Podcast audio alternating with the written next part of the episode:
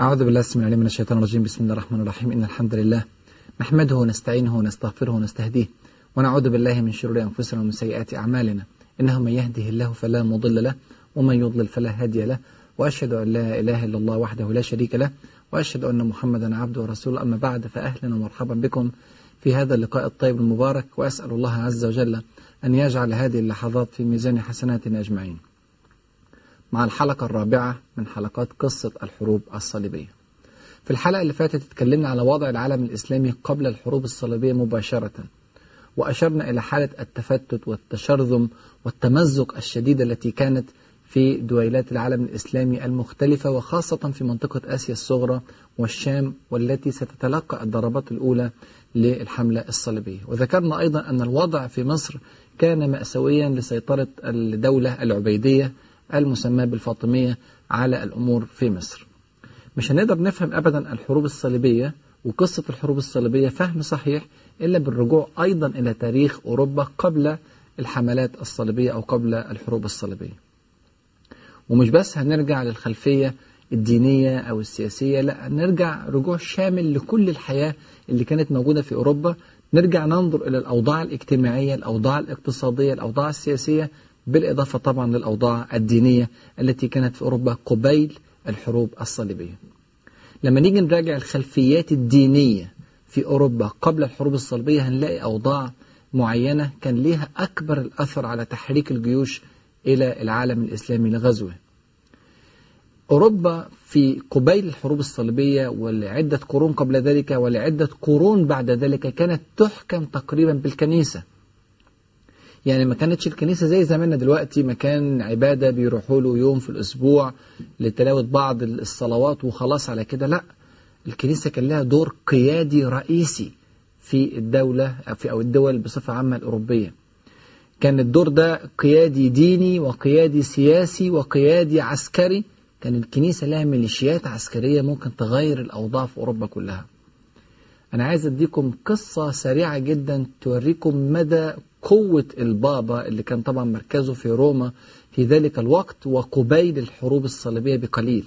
البابا اللي كان موجود قبل الحروب الصليبية مباشرة كان اسمه جريجوري السابع. جريجوري السابع حصل بينه وبين ملك ألمانيا خلاف وألمانيا كانت أقوى دولة في المنطقة في ذلك الوقت. ألمانيا كانت بترث تقريبا أملاك الدولة الإمبراطورية الرومانية الغربية. يعني كانت فعلا مساحات شاسعة من الأرض وكانت متداخلة إلى حد كبير في إيطاليا. حصل خلاف ما بين البابا جريجوري السابع وما بين هنري الرابع ملك ألمانيا. واشتد هنري الرابع في خلافه ظنا أنه أقوى ملك في أوروبا فلن يتجرأ البابا على مقاومته. لكن اللي حصل أن البابا أصدر قرارا بالحرمان. على على الملك هنري الرابع. يعني إيه حرمان؟ حرمان يعني حرمان من الجنة. لأن الجنة كانت في إيدين البابا زي ما بيقول لهم. فأصدر قرارا بالحرمان. وحرمان الملك من الجنة يعني عدم طاعة أي إنسان له. وبالتالي سبحان الله في غضون أيام قليلة وشهور قليلة بدأ الشعب الألماني الكبير الذي تحت يعني قيادة الملك هنري الرابع لا يسمع لكلامه بل يسمع لكلام البابا. وأشار المقربون لملك ألمانيا أنه إن لم يسترضي البابا فسوف يضيع ملكه منه. فما كان من هنري الرابع إلا أن فعل. فعل إيه بقى؟ تخيل. سار من ألمانيا إلى روما ماشيا على قدميه حافيا. تخيل المسافة الضخمة من ألمانيا وده ملك وأقوى ملك في أوروبا. سار حافيا على قدميه من ألمانيا إلى روما. ولما عرف البابا أنه واقف بره خلاه ينتظر في المطر الشديد ثلاث أيام متواصلة. شيء غريب جدا. ثلاث أيام متواصلة. وعندما سمح له بالدخول دخل هنري الرابع وقبل يد البابا وقبل الأرض بين قدميه. وأعلن أنه قد تاب عن ذنبه السابق ومن هنا رفع عنه الحرمان البابا جريجوري السابع. الكلام ده بيدي لك خلفية عن حجم الكنيسة في ذلك الوقت. الكنيسة ما كانتش مجرد مكان عبادة كانت مؤسسة ضخمة جدا لها إقطاعيات كبيرة جدا جدا لها أراضي لها ضيعات ولها قرى تملكها الكنيسة. البابا كان من أغنى أغنياء أوروبا وكذلك القساوسة والرهبان. وفي نفس الوقت كان عندهم ميليشيات عسكرية بتحمي هذه الإقطاعيات الضخمة. وكان ببساطة ممكن يسحب الثقة من أي إمبراطور أو أي أمير أو أي ملك فخلاص تروح الهيبة ويروح الملك وبالتالي كان الجميع في أوروبا يقدر لهذا الكيان الديني قدرا كبيرا جدا. طبعا اللي يرأس الكيان الديني كله في أوروبا الكيان اللي هو موجود في روما أو البابا الكاثوليكي. طبعا كل غرب أوروبا كان في الوقت ده كاثوليكي وما كانش لسه المذهب البروتستانتي آه، ظهر. وطبعا زي ما قلنا قبل كده شرق أوروبا كله كان أرثوذكسي. مع كل هذه القيمة وهذا الوضع الذي كانت فيه الكنيسة إلا أن في الفترة التي سبقت الحروب الصليبية سيطر على معظم الكيانات الدينية في أوروبا قساوسة بلغوا درجة متدنية جدا جدا في الكفاءة. يعني ضعف جدا في الكفاءة الإدارية ضعف جدا في المعلومات الدينية ضعف جدا جدا في الأخلاقيات العامة. بل إن قضايا الفساد في النساء وفي المال كانت شائعة جدا جدا بين الرهبان. وطبعا المصادر ديت يا إخواني وأخواتي مش مصادر إسلامية. المصادر اللي بننقل عنها هذه المعلومات مصادر أوروبية هي التي تذكر ذلك الأمر. وتذكر أن القساوسة بلغوا حدا من الفساد في الفساد الأخلاقي الخاص بالنساء والخاص بالأموال حدا غير مقبول حتى لعوام الناس. وده مصداق قول الله عز وجل في كتابه الكريم ورهبانية ابتدعوها ما كتبناها عليهم إلا ابتغاء رضوان الله فما رعوها حق رعايتها. فرضوا على نفسهم رهبانية معينة زهد في الدنيا كما يقولون بعد عن النساء وعدم الزواج كما يقولون ثم جرائم الزنا وجرائم الفحش في المال العام لا تتخيلوا حجمها كان قد إيه. ولعل ده بيفكرنا بجيمي سواجارت. لو تعرفوا جيمي سواجارت القس الذي كان يعني يتحاور ويناظر آه، أحمد ديدات رحمه الله كان يحاوره في محاورات كثيرة ثم بعد ذلك اكتشف في يعني آه، جرائم دعارة في آه، نيو أورلينز في أمريكا في فندق من أحد الفنادق المشهورة في أمريكا. وكلما مر آه، إنسان الآن أمام هذا الفندق يتذكر جيمي سواجارت الذي كان يدعي الرهبانية ويعني كان في هذا الوضع المخل بالآداب. فده الوضع ده هو اللي كان عايش في أوروبا. ومع هذا الوضع المتدني جدا للقساوسة والرهبان إلا أن الكنيسة ما زالت مسيطرة. وكانت بتسيطر بعدة عوامل. طب إيه اللي يخلي الكنيسة مسيطرة مع هذا الوضع المتردي لها؟ أولا حالة الجهل الشديدة التي كانت في أوروبا. الأمية يا إخواني وأخواتي كانت في كل مكان. قليل جدا جدا من أوروبا الذي كان يستطيع أن يقرأ ويكتب أصلا فضلا أن يكون متبحرا في العلم. وهذه الحالة المتدنية من الجهل وهذه السطحية في التفكير هي التي مكنت الكنيسة من السيطرة على عقول الجميع. وده يفسر لنا ليه هياجي الكنيسة الكبير جدا ضد العلماء؟ اللي حصل بعد كده بعدة قرون عندما بدأت النهضة الأوروبية العلمية في القرن السادس عشر والسابع عشر الميلادي اهتاجت الكنيسة وبدأت تحرق كتب العلماء وتقوم بالردع والسجن والقتل وكذا لكل العلماء ومن أشهر علماء جاليليو وكوبرنيكوس وغيره من الذين واجهوا الكنيسة ومروا بمراحل تعذيب شديدة جدا ليه؟ لأن الكنيسة كانت مستفيدة تمام الاستفادة من حالة الجهل الشنيعة التي كانت في أوروبا في ذلك الوقت الحاجة الثانية الخطيرة أن الكنيسة أشاعت في القرن العاشر والقرن التاسع قبليه بس العاشر كان الموضوع كبير جدا إن الدنيا هتنتهي عند سنة 1033 أو ما بعدها بقليل. واشمعنى 1033 لمرور 1000 سنة على وفاة المسيح عليه السلام. فقالوا إن خلاص الدنيا تنتهي يوم القيامة سيقوم وسيحاسب الناس أمام آه، الله طبعا عندهم بيؤمنوا بألوهية المسيح عليه السلام ولابد أن يتخلص كل إنسان من ذنوبه قبل أن يقوم يوم القيامة. طب كيف يتخلص الإنسان من ذنوبه؟ خلصوا الإنسان من ذنوبه عن طريق حاجتين. الحاجة الأولانية أن يدفع المال للكنيسة والكنيسة تملك حق الغفران وحق رفع الذنوب عن الإنسان. هكذا كانوا يقولون ويخدعوا عموم الناس بهذا الأمر. وتطور الأمر في الكنيسة إلى أن صار هناك صكوك الغفران كما تعلمون. لكن صكوك الغفران ظهرت بعد زمن الحروب الصليبية بفترة. وصكوك الغفران يعني تروح تشتري الغفران من الكنيسة تدفع مال وتشتري الغفران. هذا كان الشعور السائد اللي موجود في أوروبا قبيل الحروب الصليبية وأثناء الحروب الصليبية وبعدها. فترة طويلة جدا من الزمن لحد ما مارتن لوثر كينج اللي هو مؤسس المذهب البروتستانتي ظهر ويعني غضب وعمل مظاهرات وثورة على صكوك الغفران هذه. لكن ده كان أحد الطرق الرئيسية والكنيسة كانت تسيطر على الناس لأن بيدها الغفران وبيدها منح الإنسان المسيحي الذي ترضى عنه الكنيسة منحه الجنة. أما الطريقة الثانية التي شاعت جدا جدا في القرن العاشر الميلادي اللي هو القرن اللي سبق مباشرة الحروب الصليبية الحروب الصليبية كانت في أواخر القرن الحادي عشر الميلادي. الفكرة اللي شاعت جدا هي التكفير عن الذنوب بالحج إلى مكان ميلاد المسيح عليه السلام اللي هو فين؟ اللي هو في فلسطين. ومن هنا بدأ اسم فلسطين يظهر في أوروبا. وبدأت حملات الحج التكفيرية هذه التكفيرية عن الذنوب تظهر في أوروبا وهنا وهناك. والذي كان يقوم بالحج في معظم الأمر كان الفقراء. الفقراء اللي ما يقدروش يدفعوا للكنيسة الأموال الباهظة التي تعفيهم من الذنوب. فكانوا يعملوا رحلة الحج التكفيرية هذه. وكان الحج ممكن ياخد سبع سنوات كاملة. عشان يطلع رحلة حج يقطع سبع سنوات كاملة من عمره. بس هم كانوا عايشين حالة في غاية الفقر فما كانش عنده مشكلة أنه يترك البلاد ويذهب إلى الحج سبع سنين أو خمس سنين ما فيش مشكلة. فدي كانت أحد الوسائل أيضا للتكفير عن الذنوب. يبقى الكلام ده خلى اسم فلسطين يبزغ في داخل أوروبا. وما عادش الاسم نادر عندهم. أصبح الكلمة يعني يسمعها الناس ومتداولة. ولما جه بعد كده البابا يقول للناس روحوا لفلسطين لأجل الحملات الصليبية. ما كانش الاسم مستغرب عند الناس. برضو في قضية كانت خطيرة جدا جدا في دماغ البابا. وانت عارفين البابا كان كاثوليكي. كان في دماغه طموح توسعية كبيرة لضم الكنيستين. الكنيسة الكاثوليكية في غرب العالم الأوروبي والكنيسة الشرقية الأرثوذكسية اللي كان مستقرها فين؟ في القسطنطينية.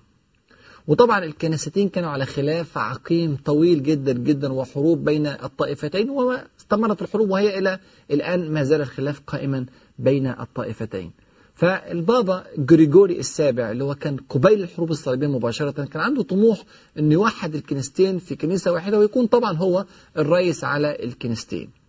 ورسخ هذا الأمر عنده حالة الضعف التي كانت فيها الإمبراطورية البيزنطية وخاصة بعد هزيمة ملاسكرد اللي كانت بقيادة البطل الإسلامي العظيم قلب أرسلان واتكلمنا عليها في حلقات سابقة للحلقة ديت فحالة الضعف اللي كانت موجودة في الدولة البيزنطية أغرت البابا جريجوري السابع أن يفكر في توحيد الكنيستين مع بعضهم البعض.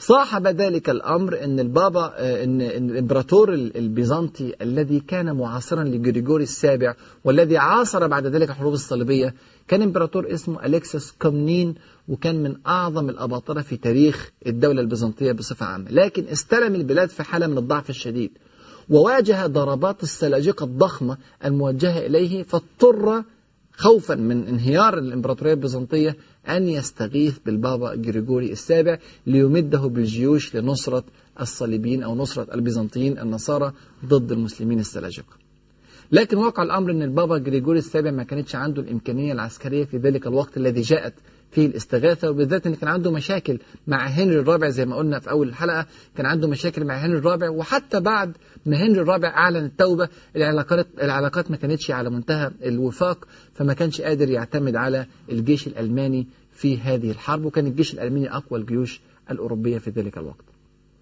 فالكلام ده كله أخر حكاية الاستغاثة أو حكاية النجدة الغربية لأوروبا الشرقية أو للدولة البيزنطية. يبقى دي كانت خلفيات دينية مهمة جدا جدا في أذهان الأوروبيين بصفة عامة. حالة من الترقب ليوم القيامة منتظر أن يأتي يوم القيامة بين لحظة وأخرى خوف من الذنوب احتمال أن الذنوب هذه تغفر برضا الكنيسة أو بالحج إلى فلسطين ثم فوق ذلك رغبة البابا ورغبة القساوسة والرهبان في تجميع الكنيستين تحت قيادة واحدة كاثوليكية. دي كانت الخلفية الدينية لأوروبا. الخلفية الاقتصادية مهمة جدا جدا. أوروبا يا إخواني وأخواتي قبيل الحروب الصليبية كانت تعيش في أزمات اقتصادية طاحنة الأزمة تلو الأزمة. مع أن أوروبا أرض خصبة جدا إلا أن كلها غابات. وعشان تقطع كل الغابات وتعمل نوع من الاستصلاح للأراضي الكلام ده محتاج جهد وتقنية. وأوروبا كانت في حالة من التخلف المزري فما فيش فرصة عندهم أبدا لاستصلاح الأراضي. فكانوا عايشين حياة صعبة جدا. كل شوية تحصل مجاعة. وكمان في ضعف شديد في المواصلات. الطرق كلها مقطعة والبرد قارس في هذه المناطق. فمعنى حدوث حالة من المجاعة في مكان من الأماكن معناها هلاك هذه القرية أو هذه المدينة. لأن الطرق مقطوعة ولا تستطيع الإمدادات الغذائية أن تصل من مكان إلى مكان. الحالة الاقتصادية البشعة دي خلت الناس في في حالة من الفقر المزري وعايزين خلاص من هذا الوضع الفقير اللي هو يؤدي إلى هلاك. ليس وضعا فقيرا عاديا ولكن يؤدي إلى مجاعات تؤدي إلى هلاك عدة قرى ومدن في المجاعة الواحدة بل إن العشر سنوات اللي سبقوا الحروب الصليبية هذه شهدت مجاعة حقيقية في شمال فرنسا وشرق فرنسا وغرب ألمانيا. ولعل هذا يفسر أن معظم الجيوش اللي طلعت في الحملة الصليبية الأولى طلعت من هذه الأماكن لأن في حالة اقتصادية مزرية في هذه الأماكن والناس خلاص على مشارف الموت. فلما جه حد يقول لهم اطلعوا حربوا في فلسطين ما كانش في أي مشكلة هم كده كده ميتين. لو ما ماتوش من الجوع هيموتوا من السيف فخلاص نروح احتمال في فرصة نجاة في أرض فلسطين. فده كان الوضع الاقتصادي بالنسبة لعموم الفلاحين وعموم الفقراء والعمال في داخل أوروبا. لكن في جزئية تانية مهمة جدا في الوضع الاقتصادي إن كان في بعض الاقتصاديين الكبار جدا في أوروبا وبالذات في مناطق الجنوب وبالذات أكثر في مناطق إيطاليا في ميناء جنوة وفي ميناء بيزا. ميناء جنوة وميناء بيزا ظهر في دول جمهوريات إيطالية على أعلى مستوى من التجارة. وترقت جدا الحالة الاقتصادية, بتاعتهم وكانوا بيستغلوا السفن في التجارة في داخل البحر الأبيض المتوسط. وكان أقوى منافس ليهم في البحر الأبيض المتوسط السفن الإسلامية. وكان من أهم الموانئ الإسلامية موانئ ساحل الشام وساحل مصر وأحيانا ساحل تونس والمغرب. لكن ساحل الشام بما فيه عكا وصيدا وبيروت وأنطاكيا هذه مدن كانت في أعلى درجات التجارة في ذلك الوقت وفي مصر كانت الأسكندرية ودمياط. فهذه المناطق التجارية الكبرى جنوة وبيزا وبعد كده البندقية أو فينيسيا الموجودة في إيطاليا فكرت أن هي كمان تريد أن تصبح المسيطر الأوحد على التجارة في البحر الأبيض المتوسط. فعندها رغبات في قمع التجارة الإسلامية. وده اللي خلى التجار دول يعسكروا الأساطيل بتاعتهم ووصل الأمر إلى السيطرة على جزيرة صقليه اللي هي موجودة في جنوب إيطاليا. والجزيرة دي قعدت تحت حكم المسلمين 270 سنة متصلة. لكن استطاع الجنود الإيطاليون أن يخلصوا هذه البلد من الحكم الإسلامي ويضعوا عليها حكما نصرانيا إيطاليا سنة 484 من الهجرة يعني قبل الحروب الصليبية بست سبع سنوات فقط. فأصبح في وضع اقتصادي قوي جدا في داخل البحر الأبيض المتوسط. ما يفضلش خطوة واحدة, خطوة واحدة بس ووقف الموانئ الإسلامية الموجودة في ساحل الشام والموجودة في مصر عن التجارة وبذلك يصبح البحر الأبيض المتوسط بكامله بحرا إيطاليا خالصا. وطبعا مارسيليا بعد كده بدأت تظهر في الصورة مارسيليا فرنسية لكن مؤخرا بعد الموانئ الإيطالية المشهورة في التجارة. فدي خلفية اقتصادية في غاية الأهمية. يعني في ناس فقراء عايزين يعيشوا وعايزين يلاقوا أي أكل أو شرب ياكلوه وفي ناس تانية أغنياء جدا وتجار على أعلى مستوى عايزين يقمعوا التجارة الإسلامية عشان في الوقت ده هم يصبحوا المسيطر الأوحد على التجارة في العالم الإسلامي. كان في برضو مشكلة أو الخلفية مهمة جدا نرجع لها الخلفية السياسية لأوروبا. أوروبا كانت مقطعة إلى ممالك لكن الملوك في ذلك الوقت لم يكن لهم سيطرة حقيقية على شعوبهم. أمال السيطرة كانت لمين؟ زي ما قلنا قصة البابا قبل كده لكن كان في جوة كل دولة أمراء وقسموا المملكة إلى إقطاعيات. وكانت السيطرة الحقيقية لهؤلاء الأمراء. يعني كل مملكة مملكة فرنسا مثلا كانت مقسمة إلى عدة إقطاعيات. كل أمير على إقطاعية يحكم إقطاعيته وكأنه يحكم دولة مستقلة. نعم يدين بالولاء للملك العام الذي يحكم الدولة لكن هو ولاء في غالب الأمر يكون ولاء ظاهريا وليس ولاء حقيقيا. عشان كده فرنسا مثلا وكانت فرنسا من أخطر الأماكن اللي لجأ إليها البابا بعد كده عشان يحرك الجيوش فرنسا كانت من الدول المقطعة تماما في قبيل حروب الحروب الصليبية مباشرة. كان على رأسها الملك فيليب الأول وكان ضعيف جدا وكان كل الأمراء هم الذين يسيطرون على الأحداث. الملك الألماني كان قوي هنري الرابع كان قوي لكن في الملك هنري الرابع كان عنده مشاكل مع البابا عشان كده كان التعويل على ألمانيا في الحروب الصليبية كان صعب. فإنجلترا كان عندها ملك قوي هو كمان كان اسمه ويليام الفاتح لكن الظروف الاقتصادية الإنجليزية كانت صعبة جدا وده برضو أبعدها عن الساحة الصليبية. تفضل لينا قصة فرنسا. فرنسا هي فعلا اللي كان فيها أمل كبير جدا تجمع جيوش عشان تنتقل بعد كده للحروب الصليبية وإحنا شفنا الخلفية السياسية بتاعة فرنسا ورغبة كل أمير في توسيع الملك بتاعه. وعلى فكرة قوة الأمير أو قوة الملك كانت بحجم الأرض اللي بيحتلها. كل ما وسعت الأرض كل ما زادت قوته. فهؤلاء الملوك أرادوا أن يوسعوا هذه الإمكانيات بالتوسع في الأراضي الإسلامية الموجودة في المشرق وبالذات أنهم سمعوا عنها أنها أصحاب أو أنها صاحبة ثروة كبيرة وتجارة واسعة وكثافة بشرية وأمور ممكن تديهم وضع اجتماعي عالي جدا في داخل أوروبا. فهذا أغرى الأمراء والملوك بالتوجه إلى الحملات الصليبية.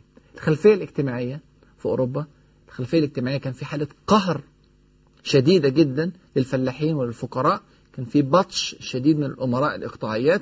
كان الفلاحون يباعون ويشترون مع الأراضي.